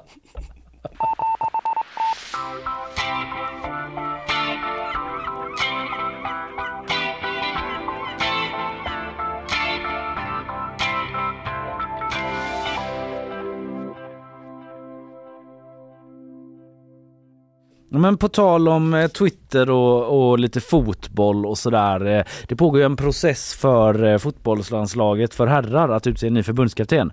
Olof Mellberg, den gamla landslagsspelaren, sa ju bestämt nej. Han Jajamän. hade en egen presskonferens där det var så skräddaren säger nej. Bestämt nej. Och man har fortfarande inte fått tag på någon då. Eh, Och experter är så här, vem ska det ens bli nu då? För eh, det är så många som har sagt nej och alla som det spekulerats om är ju mer eller mindre avfärdade. Inte riktigt så här. Men man, man, man undrar, det har också dragit ut ganska mycket på tiden. Ja, ja, ja, gud ja. Och eh, därför så var det en del då som eh, höjde på ögonbrynen när eh, Andrea Möllerberg som är generalsekreterare sekreterare för Svenska Fotbollförbundet eh, gick ut på just eh, Twitter eller X då och eh, skojade till det lite grann. För eh, det finns en fotbollstränare som heter José, José Mourinho som är eh, ja, men en av världens mest kända fotbollstränare och eh, en profil helt klart. Mm. Eh, han har haft många legendariska presskonferenser. Han satt en gång och bara I choose uh, not to speak. Satt han och sa en hel presskonferens, I choose not to speak. Eh, men han har fått sparken från Roma, det italienska storlaget. Eh, och eh, är då liksom eh, ledig. Mm. Han är ute på marknaden. Och då gav sig Andrea Möllerberg ut och eh, skämtar om det här. Hon skrev Jag vill lugna alla som hört av sig. Kontakt är tagen. Möte bokat. Inga krav. Jo, kanske att han ska undvika sista platsen i gruppen och dyka upp på samlingarna. Avtalet får hans egen agent skriva. Nu kör vi, Ja. skrev hon. Eh, ett skämt som typ alla kanske inte fattar om man inte följer fotboll och sådär. Nej. Men skämtet är väl typ att det är helt orealistiskt att Sverige skulle få Mourinho. Exakt. Och att typ så här, han får göra vad han vill, han får skriva sitt eget Mm. avtal och så vidare. Mm. Och då eh, verkar det som att folk då eh, har eh, blivit arga för det. Tappat det. Ja. Jag såg det här på Twitter Ja. igår. Tappat det. Det var som att det var typ too soon skämt. Det var typ som, jag har inte sett den vreden sen Marcus Tapper skojade för tidigt om Börje Salming på Twitter. Alltså det var så här, folk bara, Va, vadå, skulle det vara, skulle det vara liksom helt omöjligt? Vadå? Ja, Men, ja, det var ju ett helt vanligt Twitterskämt Mm. och folk verkligen ballade ur alltså. Ja det var lite det jag kände. Avgå! Är det så Avgå, mycket stod det. Ta med dig? Reinfeldt och hans jävla VAR-kameror och avgå. Ja, de har det ju motigt Svenska fotbollsförbundet. Mm, eh, har haft det från start lite grann för att det har varit det här med VAR, alltså de här eh, ja, övervakningskamerorna i fotboll. Det är väldigt få diskussioner om just övervakningsaspekten när det kommer till VAR. Ja precis. Nå, vissa kanske vill vända kamerorna upp på läktaren istället och ta fast bengalbrännare.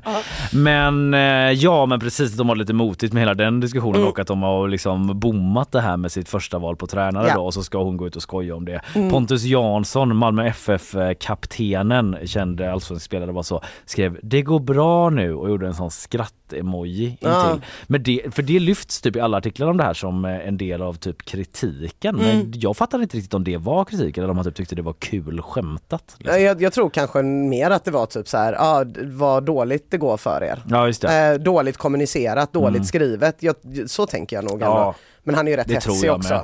Ja i alla fall, eh, hur reagerar Andrea Möllerberg på kritiken Mm. då? Backar hon? Gör hon en pudel? Nej, hon gör inte det. Hon säger folk måste ha mer lättsamhet. Jag, så här, jag förstår att folk tycker att det är oerhört viktigt Alltså det här att vi behöver en ny förbundskapten då och att det inte går att skämta om. Hon förstår det, säger hon då. Men jag kan ändå tycka att vi kanske måste ha lite mer lättsamhet i det här. Det påverkar inte vår rekryteringsprocess att jag lägger ut ett inlägg med glimten i ögat. Jag måste ändå säga det faktiskt, säger hon. Mm. Det var ändå lite uppfriskande att någon står på sig. Ja. Det är så himla lätt att pudla och backa. Det Ja. är det som sker för det mesta. Jag kollade faktiskt igår för jag var så här, hoppas hon inte tar bort det nu. Hoppas, hon inte, hoppas vi inte har hamnat där. Mm. Nej. Liksom, att det ska vara typ så. Hon hade inte gjort det? Nej, Nej, nej. den ligger kvar. Ja men Aftonbladet frågar, eh, många verkar tycka att det inte är riktigt läge att skämta om jobbet. Ja, det är också roligt att eh, alla sådana här tuffa, för det är ganska många tuffingar som Det är, är fotbollsfans. väldigt mycket tuffingar och det står ju också Mm. liksom jättehemska saker Mm. i de här kommentarerna såklart. Liksom. De är så Eh, tuffa att de inte ens klarar av att förknippas med en, ett jättegott bär. Nej, Som jordgubb. nej liksom. precis, Bara det är där därför det är så man ju- svårt att inte reta dem. Jag vet hur lätt det är. Ja, men kan du hålla med om det? Att det inte är läge att skämta om du frågar Aftonbladet? Så Då säger de så här, vet du vad? Jag tycker faktiskt att man behöver ha lite mer lättsam inställning. Vi på Svenska Fotbollförbundet förstår att det är en viktig fråga och vi tar det på fullaste allvar. Eh, men när många hör av sig till mig om Mourinho, både initierade personer och andra, folk ändå frågar sig, blir det Mourinho? Blir det Mourinho? Det är så här, nej, Nej, absolut. Olof Mellberg sa nej. Bestämt nej till och med. Bestämt. Tror du liksom att så här fucking José Mo Mourinho som har varit tränare för alla, han har vunnit Champions League liksom. Vad fan tror ni typ? eh, men när många hör av sig det Mm. med lite humor, vissa till henne också, så tycker jag ändå att man måste ha förståelse för att eh, vi behöver ha glimten i ögat. Jag Ja. måste ändå poängtera det, Ja. säger generalsekreteraren. Väl poängterat, här är Ja. jag helt oneutral. Man kan ju såklart kritisera Svenska fotbollsförbundet för sjukt mycket olika grejer. Men att man lite skämtsamt säger hö Mourinho är klar. Nej men där går fan gränsen. Såg du nu när han eh, slutade så blev han stoppad eh, i bilen Mourinho av massa Roma-fans då. Mm, som var så grazie, grazie Mourinho, grazie. Och så blev han ut och så bara strömmade tårarna. Han bara mil grazie ragazzi. Och så var han var svinglad och tänkte på hur gött det ska bli att få träna Adam Ja, Carlén. också att han blåste iväg med en sån sportbil gjorde han också. Drabbar ingen fattig ändå.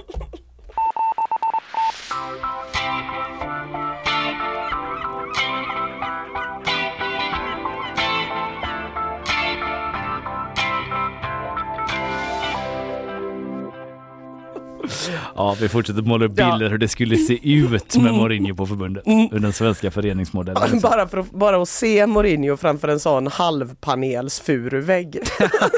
det är det jag vill. Drickandes en sån brun plastkopp med öra. Eh, kaffe, snutkaffe i en sån. Fy fan vad gött.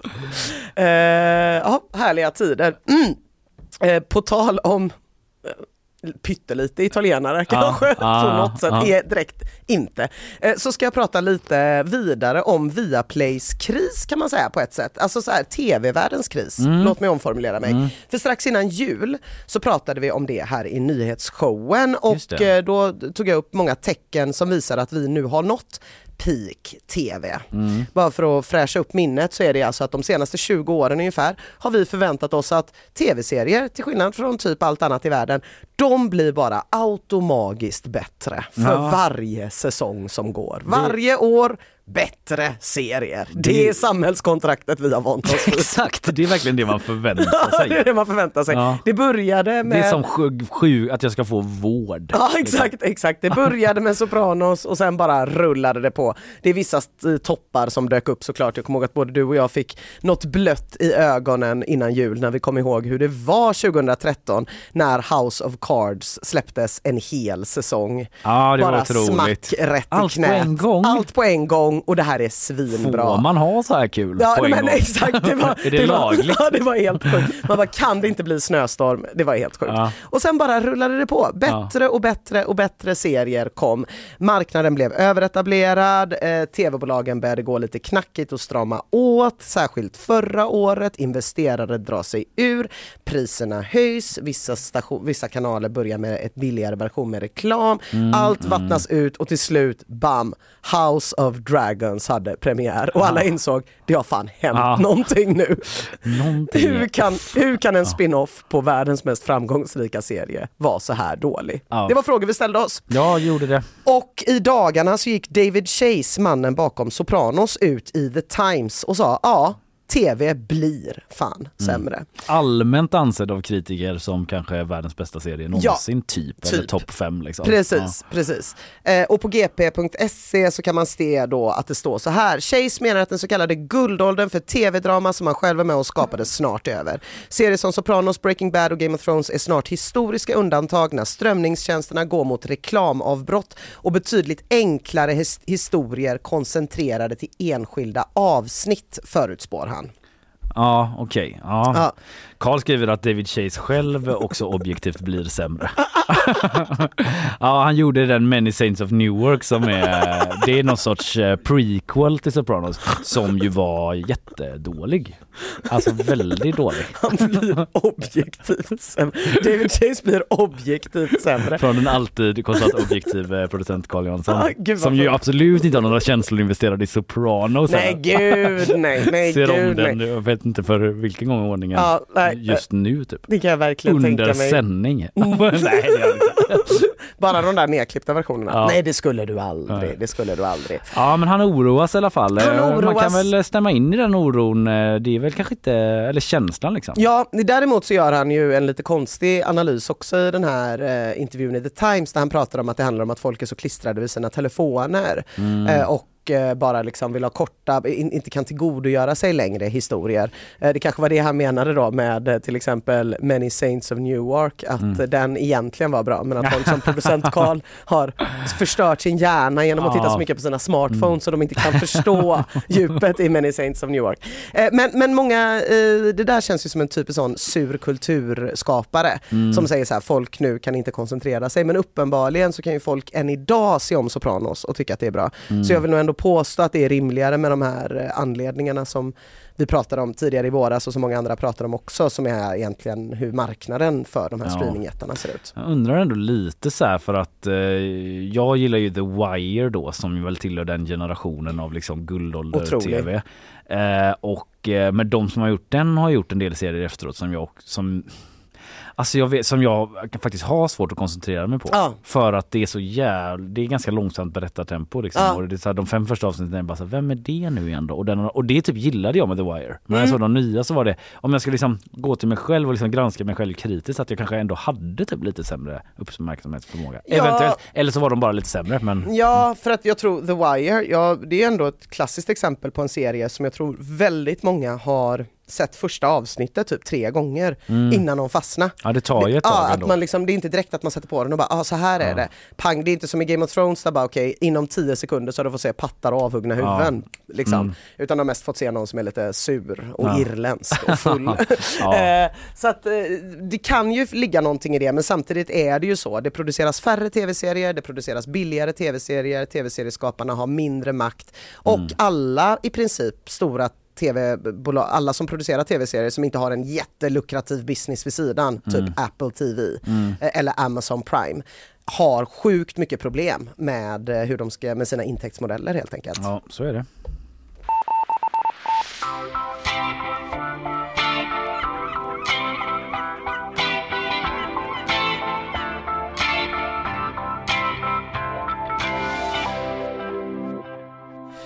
Vi bryter av med den här grejen. 天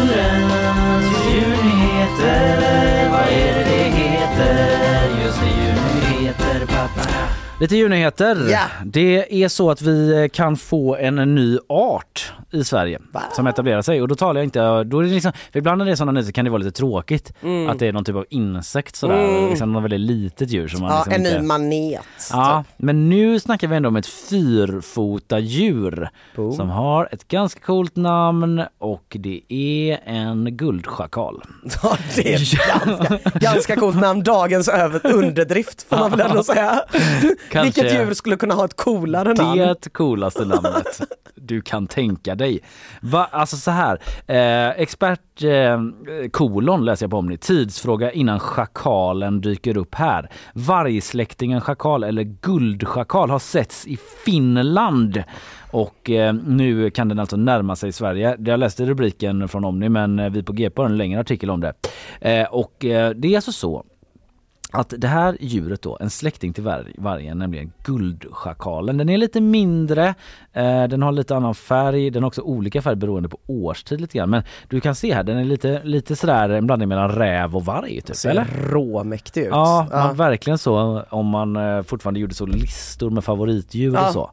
Eh, som man kanske gjorde när man gick i skolan. Mm, Eh, så hade man eh, Konstig del av barndomen det där är. klättrat. Ja, jag kommer ihåg när alla i min klass, äh, låg, eller så här att jag sa, det finns ju någon sån gammal du vet så här, bok från lågstadiet Mm. där man skriver ner olika saker. Att jag gärna ville bli veterinär. Ja. Men det var ju bara grupptryck. Ja, ja, för att alla ville bli det. Du, du gillar ju inte ens Nej. djur. Nej, jag gillar inte ens djur och liksom här, att vara veterinär är också mycket att liksom stå med armbågen i ett arsle Ja, till en ko liksom, och rota runt. Eh, Det är inte så att man Du kan ju inte ens och äta sushi, hur skulle det gå? Nej jag vet, jag vet. Det är otroligt. Men det var grupptrycket. Eh, och, eh, men den här guldschakalen då den eh, har siktats i Finland och eh, de förväntar sig att ha en population av dessa då inom tio år. Mm. Den även, eh, även Danmark och Norge har fått besök av schakalen läser jag. Det är en tidsfråga innan den dyker upp i Sverige säger Fredrik Ja det får man Widemo. verkligen hoppas. Så att inte vi hamnar på någon sjuk schakal efterkälke här. Nej, nej. Hur fan kan den vara, vänta lite nu, hur fan kan den vara i Norge och i Finland Och i Danmark. och i Danmark men inte i Sverige? Ja men den har kanske, jag vet inte om den eh, har Då har den ju aktivt undvikit Sverige. Ja, ja, för den verkar ju inte ha dykt upp här ännu då. Nej. För det är en tidsfråga innan den dyker upp säger Mm. de. Nej men precis. fan är det med dig Jag kanske bara hört om vår otroliga liksom, försvarsvilja. att den är rädd att eh, vi ska typ försvara vårt land. För det är väl ändå någon typ av, ja, de skriver inte att det är en invasiv art här men det finns ändå vissa problem som kan medfölja Mm. då. Eh, eh, i och med att den skulle då kunna konkurrera, den är inte farlig för människor och samhällen. Eh, den är lite för liten för det. Den, eh, väger, det, den väger i snitt strax över 6 kilo och skulle kunna beskrivas som en blandning mellan varg och räv står det. Eh, men eh, den eh, är så liten så det är ingen fara för människan. Eh, den skulle kunna ta nyfödda lamm då och liknande. Så eventuellt kan det påverka djurhållningen. Den kan också konkurrera ut rödräven. Ah. Ser man som ett problem då. Att den kan hota djur uppe i fjällvärlden. Den kommer helt enkelt trycka undan fjällrävar. Mm. Och om man då eh, den här eh, listan som inte riktigt finns med favoritdjur, Mm. då kanske fjällräven ändå är ganska högt upp Den är där. ju svingullig, Ja. eh, det är klart. Men jag Mm. menar guldschakalen låter ju coolare. Ja det gör det känns som att faktiskt. tjejer gillar fjällrävar och killar gillar guldschakalen. Det kommer starta ett sånt märke. Ja. Fjällräven finns ju redan. Nej, ja, Guldschakalen, guldschakalen, ja. jackor och sånt. Extra tufft. Ja men den kanske kommer ta fjällrävarnas unga då säger de Mm. och eh, markhäckande fåglar också Ja. illa ute Ja. när guldschakalen är på väg. Men När den den väl bestämmer sig för att den kan bevärdiga sina tassar på svensk mark.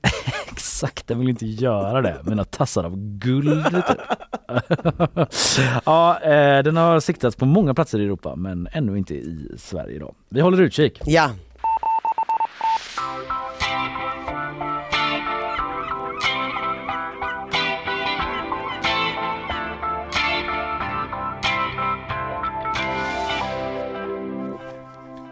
Det är ganska inne med dart nu för Mm, tiden. jo, Det tack. vet ju du. Ja. Eh, du är kanske är en av anledningarna till det. Typ. Jag Jag brukar ju referera till mig själv som Sveriges största dartfluencer. Ja, Det är lite kaxigt. Det är lite kaxigt men det behöver inte vara osant alls tror jag.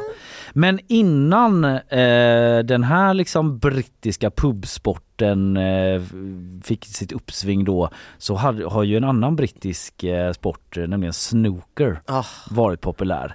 Eh, kanske liksom haft en lite tynande tillvaro på något sätt i Sverige men jag minns att när jag gick på typ högstadiet, gymnasiet sådär, då sände de snooker på Eurosport och Mm. jag blev ganska biten av det. Jag Ja. låg uppe på nätterna och lyssnade på Kim Hartman då, den legendariska kommentatorn som eh, var tyst väldigt Mm, stora delar mm, av sändningen och det var liksom lite hans USP. Att det kunde vara tyst jättelänge Ja. och så gjorde någon en vacker stöt. Det är alltså en form av biljardsnooker för de som inte vet. Det kunde vara tyst kanske i två, tre minuter och så hörde man bara åh. Och sen var det tyst igen liksom. Eh, det var en väldigt eh, uppfriskande kommentatorstil. Men i alla fall, då fick jag upp ögonen för en av snookervärldens största profiler. Han Mm. kallades för snookerns bad boy redan då, Ja. alltså för 15-20 år sedan. Och jag snackar såklart om Ronnie O'Sullivan. Känner du till honom? Eh, Jag har fått klipp skickade till mig där han berättar hur otroligt mycket öl han dricker. Mm. Efter att jag hade skrytit om hur mycket då Andy Fordham, dartspelaren, Ja, just det, just det. eh, ha- har druckit. Så fick jag, var det någon som slog mig på fingrarna och var typ så, jo jo, Andy Fordham i all ära, men kolla in det här törstot. Ja. det är ungefär det, det är den, den infon jag har. Ja. Men jag blev ju direkt sugen på att kolla på snooker. Ja, för det är faktiskt en ganska mäktig sport och Mm. väldigt duktig. Så Jag ska liksom inte snöa in på det, men eh, det är ju lite sådär jag är ingen snookerexpert men den har ju lite mer till skillnad från dart någon sorts här gentlemanna-ideal liksom. Att det är ganska tyst på läktaren, Ja. folk har sina små västar och det är liksom, de är typ lite gentlemän så här, Mm. eh, spelarna på något sätt. Det finns olika koder i hur man uppför sig och inte. Och där har Ronnie O'Sullivan flera gånger liksom brutit mot det. Han har varit en bad boy. Han har också blivit följe på läktaren Ja. som eh, är lite mer rowdy. A rowdy bunch. O'Sullivans rowdy boys. Ja, det hade de kunnat heta. Eh, och nu då, och han har ändå varit i världselit hela tiden. Jag, jag har inte järnkoll på det men jag tror han har en ganska snårig bakgrund Mm, så här, mm. uppväxtmässigt liksom. Att han har varit igenom en del. Men eh, trots det här alla liksom det är lite så här plugghäst-vibe på många snookerspelare. De är ja. så jävla duktiga typ Mm. eh, och så. Men han har kommit där och liksom så här ta gärna en pint liksom Mm. och ändå del av världseliten, varit lite fram och tillbaka men nu är han där uppe igen. Och eh, nu så eh, var han i finalen i en Masters tävling då mot Ali Carter. En, eh, ja men kanske lite mer, jag har inte järnkoll på honom men han kändes lite mer så Plugghäst. plugghäst-aura på honom. Eh, och det blev lite bråk då efter att de möttes. Lång bakgrund men liksom han är i farten igen Rodney O'Sullivan fortfarande på elitnivå. Och han fick då kritik av den här eh, Ali Carter för att han ska ha snytit ut fräst snor på golvet under Mastersfinalen. Nej! Jo, att han gjorde en sån, eh, du vet, hålla ena näsborren och bara floff rätt ut på golvet. Nej. Ronny O'Sullivan anklagas för att fräs snor ner på golvet under Mastersfinalen läser jag på Sportbladet. Då tappade legendaren humöret fullständigt på motståndaren Ali Carter. Han behöver ordna upp sitt jävla liv. Va? Sort his fucking life out, säger Ronny O'Sullivan till den här Ali Carter. Eh, han kan sitta på det, snoret alltså för min del. Jag skiter i det. Du vet hur han är. Alla vet hur han är. Han har problem, säger O'Sullivan om Carter på presskonferensen. Fy fan vad, vad roligt.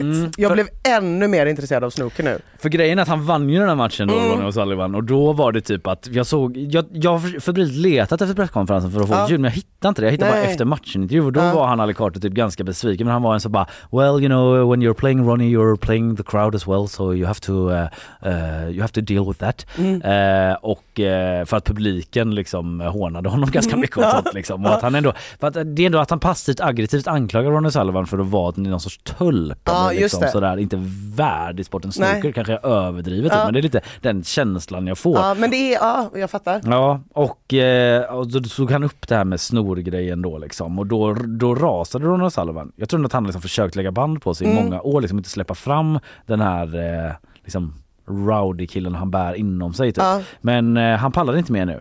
Han till och med pekade fuck you Oj! till honom. typ Ja. så att han inte tittade på honom och bara höll upp det klassiska fuck, fuck you fingret. Ja jävlar i Ja. Så det, så det, det Eh, hände men, men otroligt, alltså det finns verkligen kopplingar. Jag känner ju verkligen, snooker Mm. är nästa grej. Jag börjar känna jättestarkt för snooker, det finns verkligen kopplingar till dart. För den här incidenten som du beskriver fick mig omedelbart att tänka på en sak som hände 2018 Mm. eh, på Grand Slam of Darts när en underbar spelare, Gandhi, äh, Gary Anderson, eh, som var med i dart-VM nu, blev eh, anklagad för att psykat motståndaren Wesley Harms Mm. genom att fisa hela tiden vid Ocke. Ja. Som den här ställer sig så, he farted at the Ocke. Där man står och kastar. Ja precis, Ja. så att den andra spelaren inte kunde koncentrera sig. Det är fan psykningen då. Det är riktigt bra psykning. Ja. Eh, han blev utskälld av Dartförbundet sen och jag tror att faktiskt Gary Anderson som jag minns det sa absolut jag fes, det var en psykning.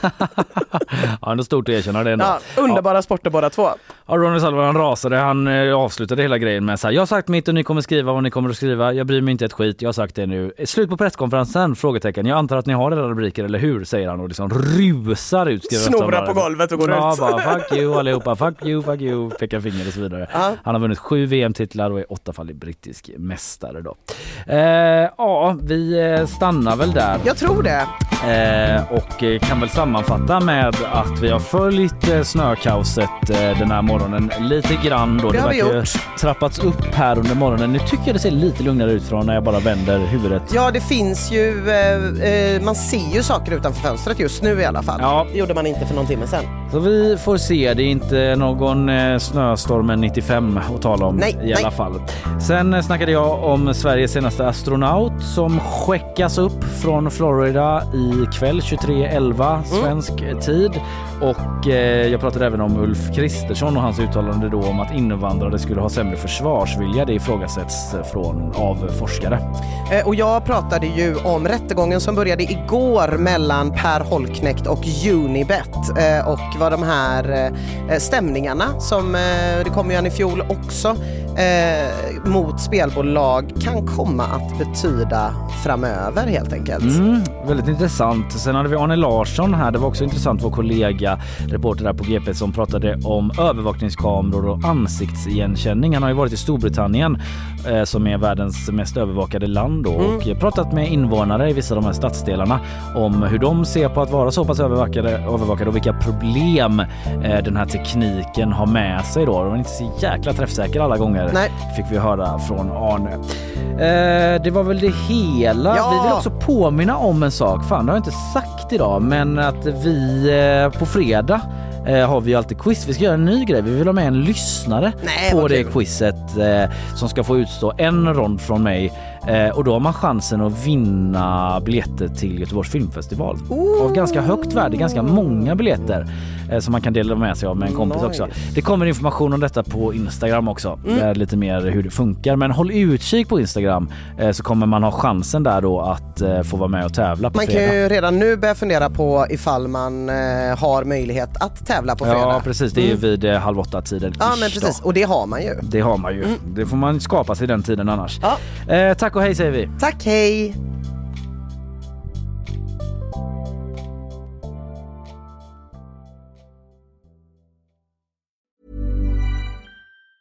Tired of ads barging into your favorite news podcasts? Good news. Ad-free listening is available on Amazon Music for all the music plus top podcasts included with your Prime membership. Stay up to date on everything newsworthy by downloading the Amazon Music app for free or go to amazon.com slash news ad free. That's amazon.com slash news ad free to catch up on the latest episodes without the ads.